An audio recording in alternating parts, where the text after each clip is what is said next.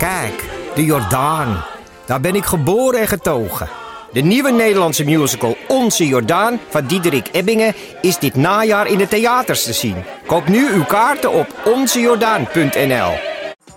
De strijd om de miljoenen van Siewert van Liende is losgebarsten. Zowel de staat als zijn stichting eisen de mondkapjeswinst terug. Maar dat die opbrengst in ieder geval niet thuis hoort bij Van Liende, daarover kan toch eigenlijk geen twijfel bestaan. Hoe kon het zo ver komen? Dit is het. We hebben beet. En als Siewert het geld teruggeeft, kunnen wij dit schandaal dan eindelijk loslaten? Je hoort het in de Mondkapjesmiljonairs, exclusief bij Podimo. Ga naar podimo.nl/slash mondkapjes.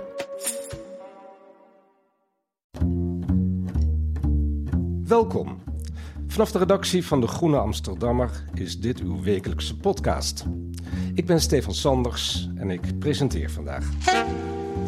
Mijn gast is Bram Mellink. Welkom Bram. Dankjewel. Deze week schreef je samen met Marijn Oudenampsen een essay over Pim Fortuyn. Of beter gezegd, de herinneringsmachine die precies 20 jaar na de moord op hem op 6 mei 2002 op gang is gekomen. Titel van het stuk is behoorlijk veelzeggend, vind ik. Fortuyn als profeet van het laat-kapitalisme. Dat is toch anders dan veel mensen hem herinneren of denken te herinneren. Maar dat maakt het gevecht om de geschiedenis des te interessanter. Fijn dat je er bent. Uh, vertel nog even, je doseert aan de Universiteit van Amsterdam, Nederlandse geschiedenis. Je bent gespecialiseerd in neoliberalisme. Ja, om maar met de deur in huis te vallen. Uh, jij en ook je mede-auteur zien Fortuyn uitdrukkelijk als een neoliberaal. En niet als de populist die Nederland voor de Nederlanders wilde bewaren. Heb, heb, is, is het ongeveer, klopt dat?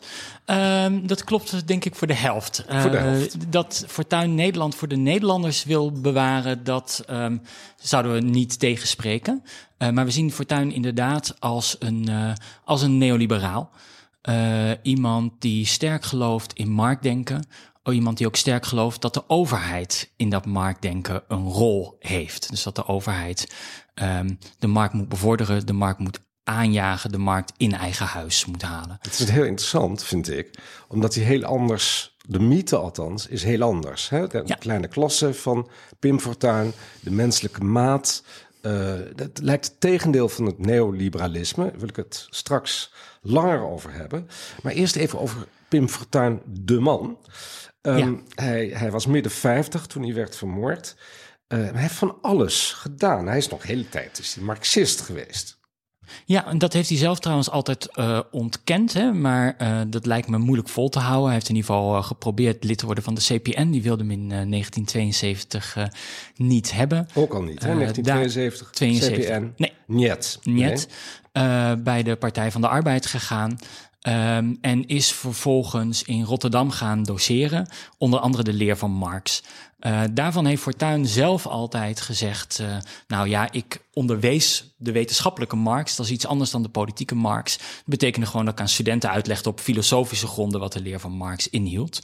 Nou, dat, het is wel waar, daar heeft Fortuyn gelijk in dat de wetenschappelijke Marx iets anders is dan de politieke Marx. Dus daar moet je wel echt onderscheid in maken. Maar het is in ieder geval iemand die aan de linkerkant van het politieke spectrum uh, begonnen is. En ook bij een marxist is uh, gepromoveerd. Ja, Ger Harmsen, Ger Harmsen. De, de, marxistische, de grote marxistische denker, onderzoeker. Ja. Uh, mensen van mijn leeftijd moesten het ongeveer allemaal lezen als je politicologie studeerde of politieke wetenschappen.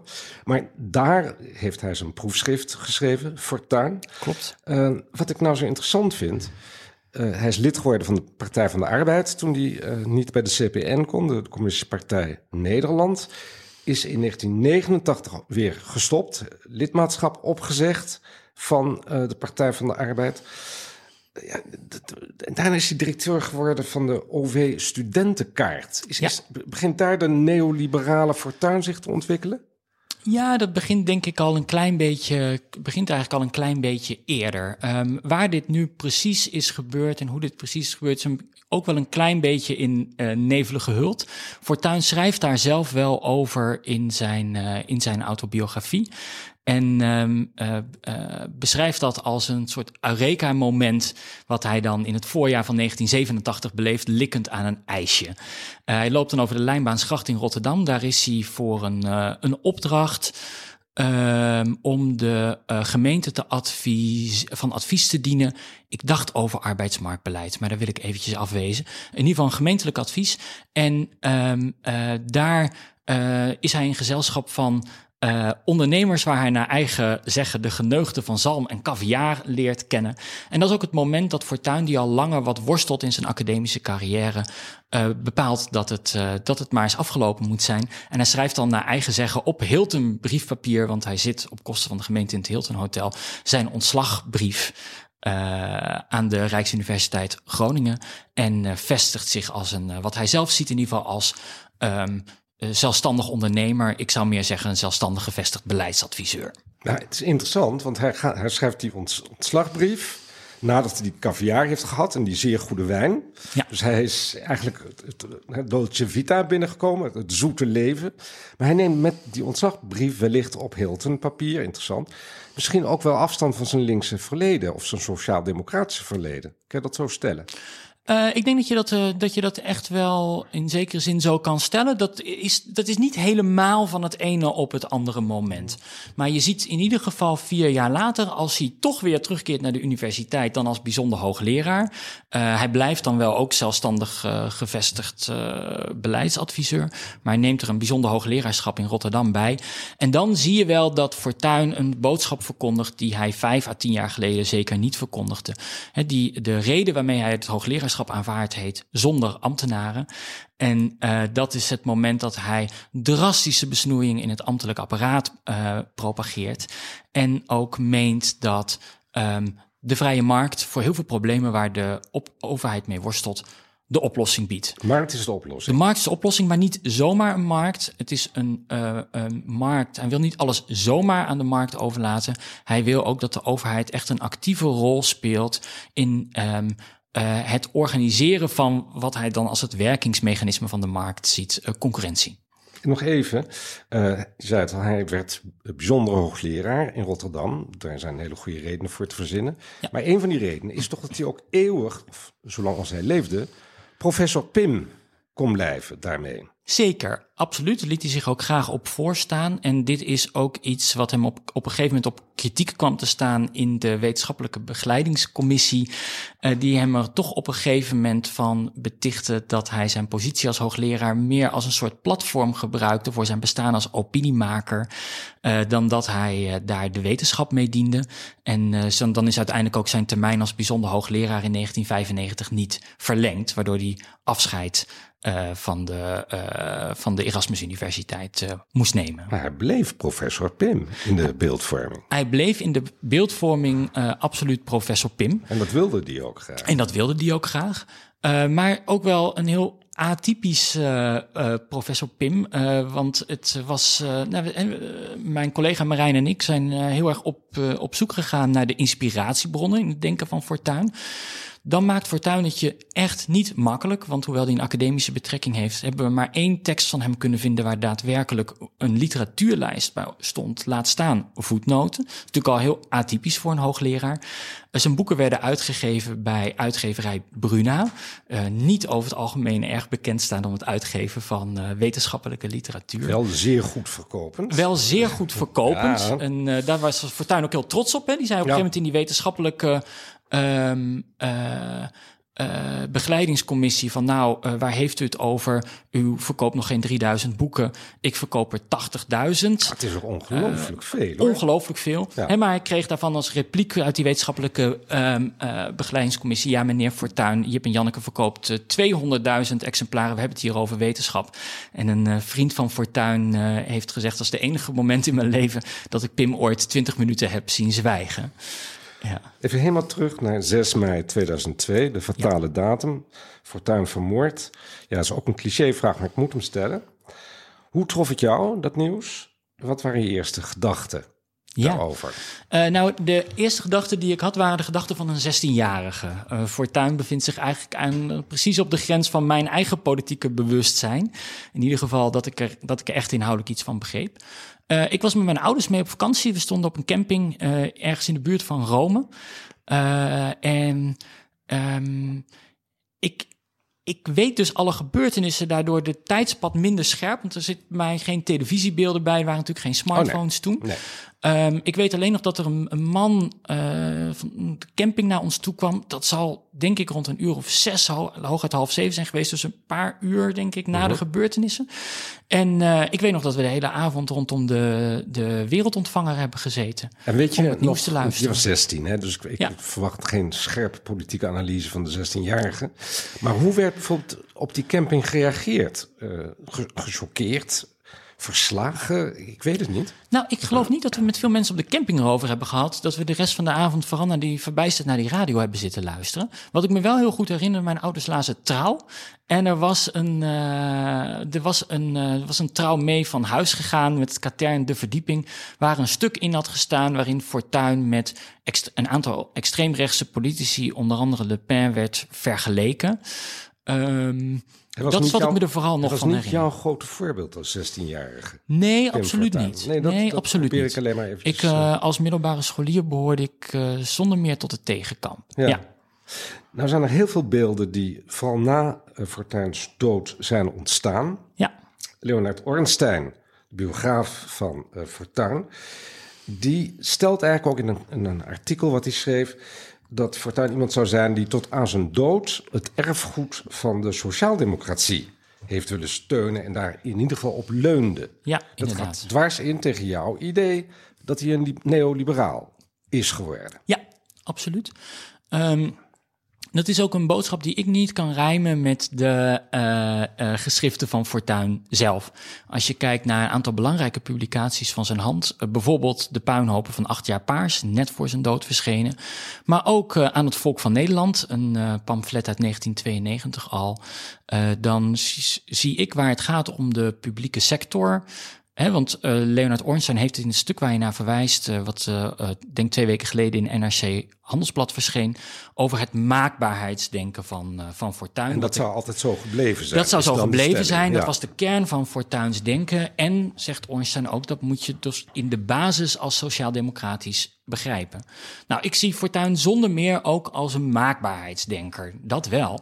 Maar vooral een gelover in de maakbare markt. En dat vind ik toch iets anders dan de klassieke sociaal-democratische Niet in de maakbare samenleving zozeer, Ehm, kennelijk. Nee, wel een. een um, nee, ik zou dat zelf in ieder geval niet sa maakbare samenleving noemen, want vind dat verwarrend. Als je kijkt naar wat Fortuyn wil op bijvoorbeeld het gebied van de zorg, dat is een, een mooi voorbeeld. Fortuyn staat tegenwoordig bekend als een van de dingen die sommige mensen denk ik nog wel weten, naast Fortuyn kritisch, als iemand die de wachtlijst in de zorg Ja, bekritiseerde. kleinere Elsborst. ziekenhuizen, Kleinere ziekenhuizen wilde hij ook, minder menselijke maat.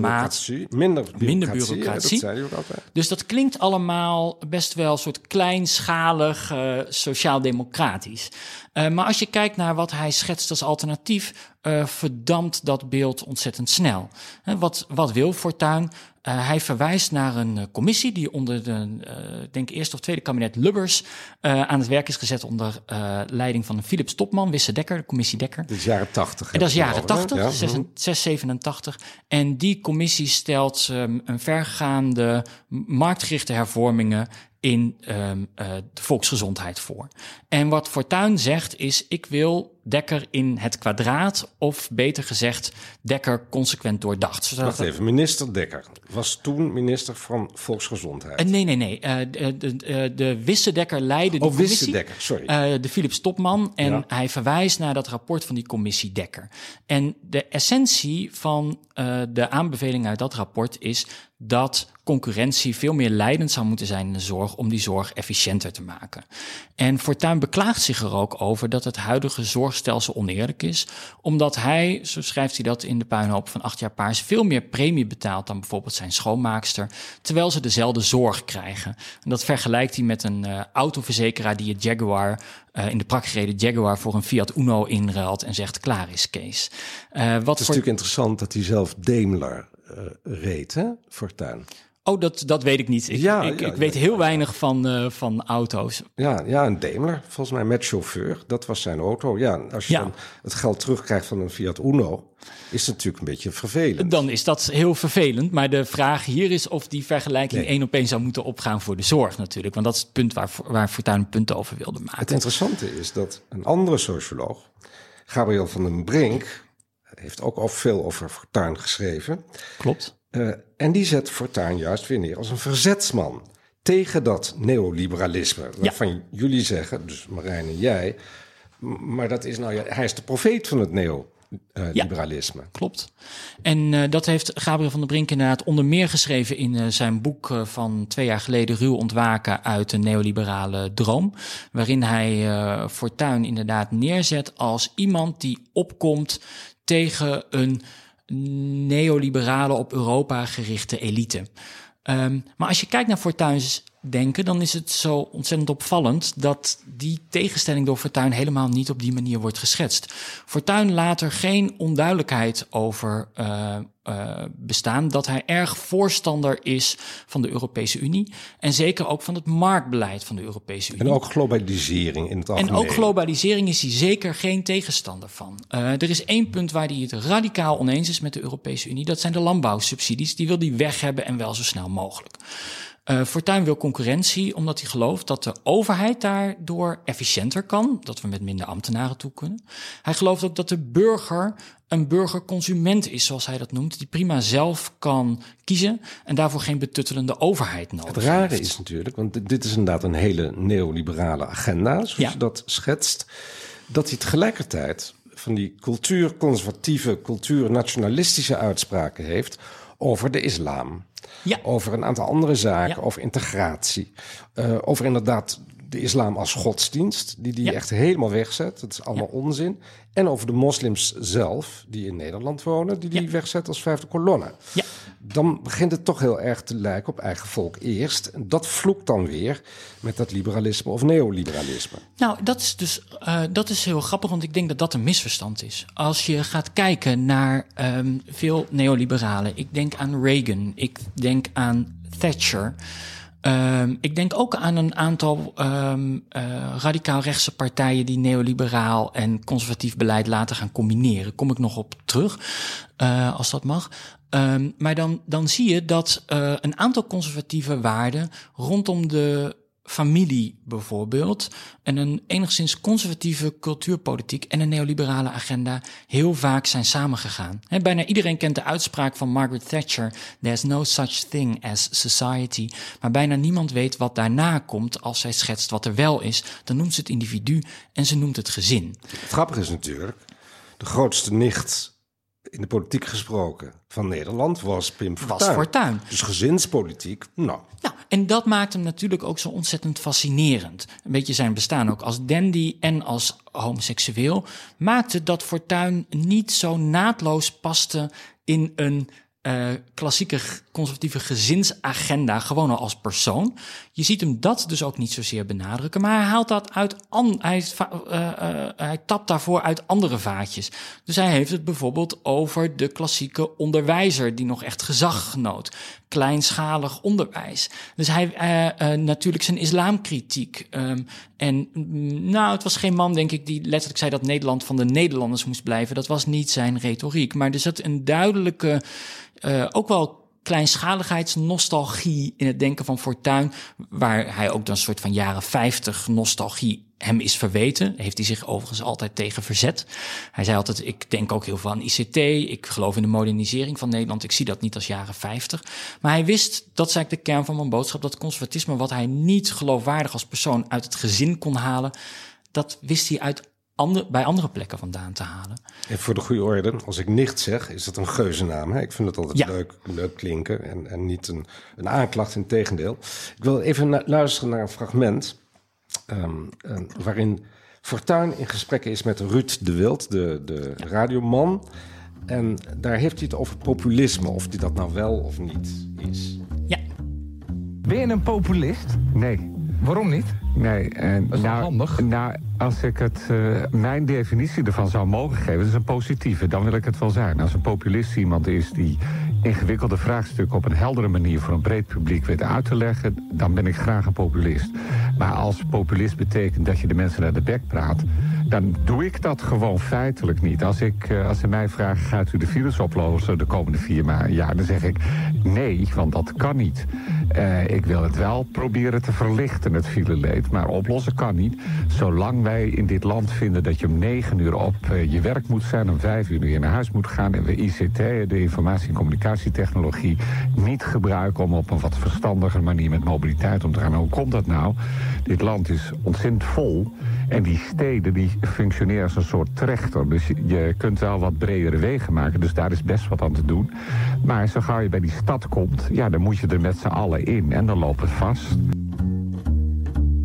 En we hoorden uh, Fortuyn zeggen... nee, ik ben geen populist. Nou ja, misschien wel, als je, als je bedoelt... Als ik mijn eigen definitie mag gebruiken. Helder ja. kan uitleggen voor de mensen dan wel. Maar nee, dat ben ik niet, want ik praat de mensen niet naar de bek. Ja. Ik citeer. Uh, ja, nou, uh, wat dat laatste betreft denk ik dat ik zou ook Fortuyn helemaal gelijk geven. Het laatste wat je van Fortuyn kan zeggen is dat die mensen graag naar de bek praten. Hij uh, heeft ook in zijn campagne gezegd dat hij het um, als zijn taak zag om niet alleen te zeggen dat de overheid vaak waardeloos was, maar ook dat veel Nederlandse burgers dat waren. Dat ze lui waren, dat ze te veel van de overheid verwachten.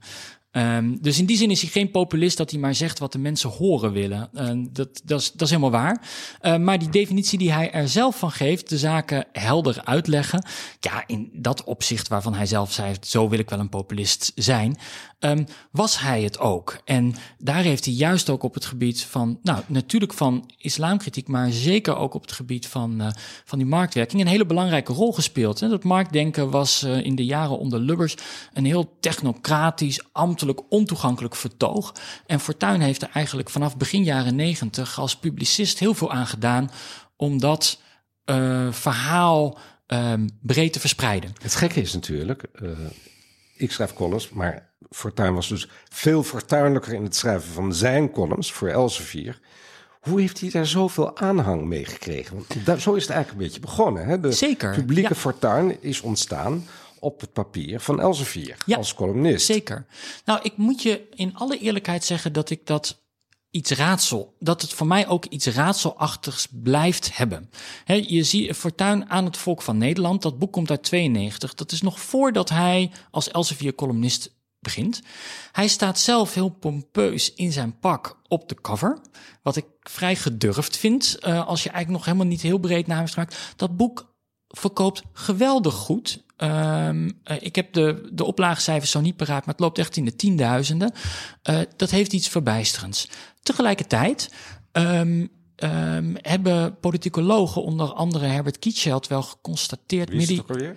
Uh, Herbert Kietscheld is een, Herbert Kietscheld is een, uh, is een politicoloog die midden jaren negentig een boek schreef, uh, The Radical Right in Western Europe, waarin hij verschillende landen vergelijkt en in die landen de opkomst ziet van partijen die een marktgerichte agenda, die ze van oudsher al hadden, beginnen te combineren met anti-migratiestandpunten. En er was in die tijd een nieuwe ontwikkeling. Ja, want liberalen waren altijd heel soepel als het over migratie ging, althans in principe. En nu zie je Ja. dus een heel conservatief element in behoud van eigen grenzen, Nederlands of wat voor identiteit dan ook, gecombineerd met een hele neoliberale agenda voor de markt. Ja, voor, wat voor Kietscheld, waar hij het nieuwe zag, was geen zozeer bij de liberalen, maar vooral bij het klassieke extreem rechts. Die eigenlijk een economische agenda voerde die, nou, A, sowieso niet zoveel, uh, niet altijd evenveel aandacht aan werd besteed. En B, als er aandacht aan werd besteed, dat het uh, bij veel extreemrechtse partijen van oudsher in een soort fascistische hoek terecht kwam. En hij zag uh, dat um, je eigenlijk nu partijen kreeg die zich van oudsher bekend stonden als um, uh, uh, uh, pro-marktpartijen. Een voorbeeld daarvan was de Deense vooruitgangspartij. Uh, uh, geleid door een man die begin jaren 70 bekend werd in Denemarken, omdat hij zei: Ik betaal 0% inkomstenbelasting.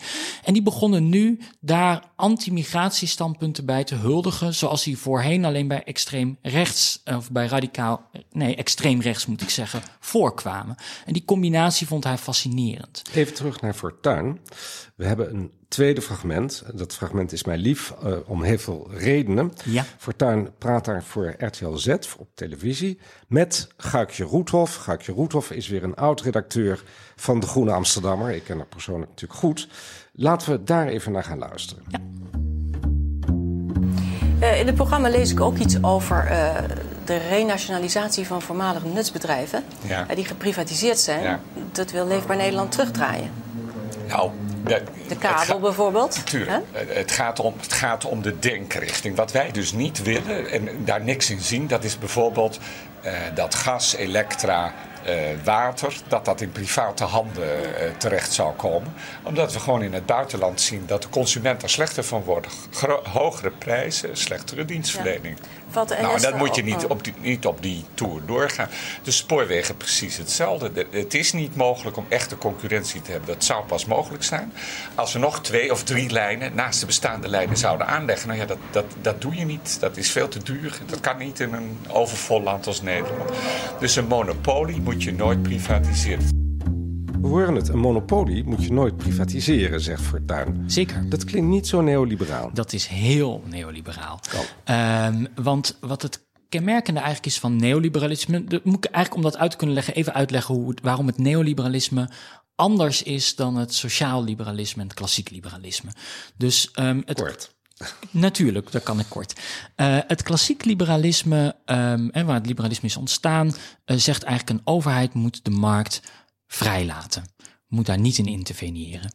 Sociaal-liberalen zeggen eigenlijk, nou, als je markt vrijlaat, dan ontstaan er allerlei problemen waar burgers de uh, dupe van worden. En de overheid moet eigenlijk burgers tegen de uitwassen van de markt beschermen, bijvoorbeeld door een verzorgingsstaat.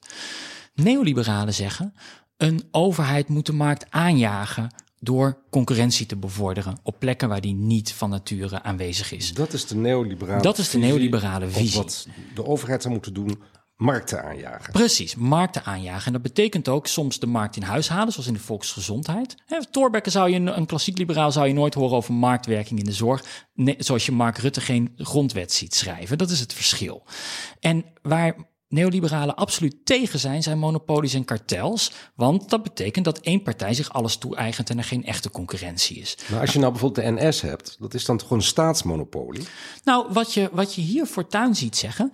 Overigens, begin jaren negentig was Fortuin nog sterk voor privatiseringen. Is hij later op teruggekomen. En wat, hij, wat ik hem hier hoor zeggen is. Um, in het geval van het spoor en ook met nutsbedrijven moet je hier niet aan beginnen.